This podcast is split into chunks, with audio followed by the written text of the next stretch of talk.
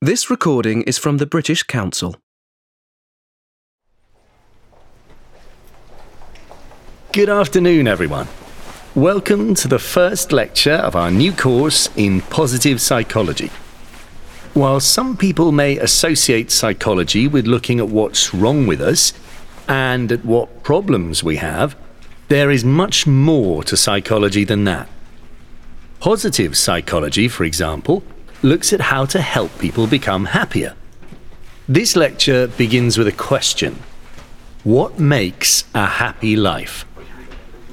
Now, I'm going to give you one possible answer.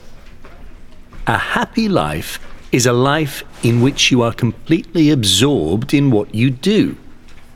Now, how does this compare with what you and your partner said? This answer comes from the work of Mihaly Csikszentmihalyi and the theory of flow.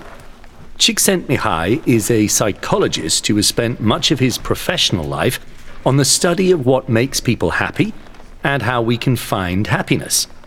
Csikszentmihalyi suggests the theory that happiness is not caused by external events or things that happen to us. Our perception of these things and how we see these events either makes us happy or sad. In other words, if we want happiness, we have to actively look for it. However, this does not mean that we should always look for happiness. Csikszentmihalyi believed that our happiest moments happen when we are in a state of flow. The theory of flow can be summarized like this When we are totally involved in or focused on what we are doing, we are in a state of flow. Csikszentmihalyi got the inspiration for this theory when he noticed how artists worked in a studio. They completely lost track of time. They didn't notice they were hungry or tired, and they could work for hours, even days, without stopping.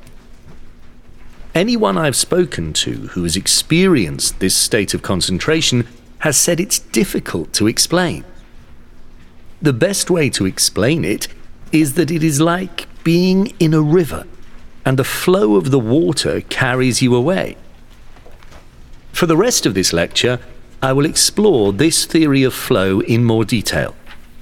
First, we will look at Csikszentmihalyi's life and how it influenced his ideas. Then, we will look at the conditions that go with a state of flow. What creates flow exactly? Finally, we will look at activities that can help us achieve flow in our everyday lives. Will this course make you happy for life?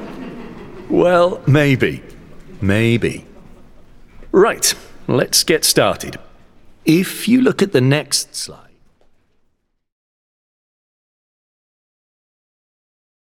This recording is from the British Council. To find more activities to practice your English, visit www britishcouncil.org forward slash learn English.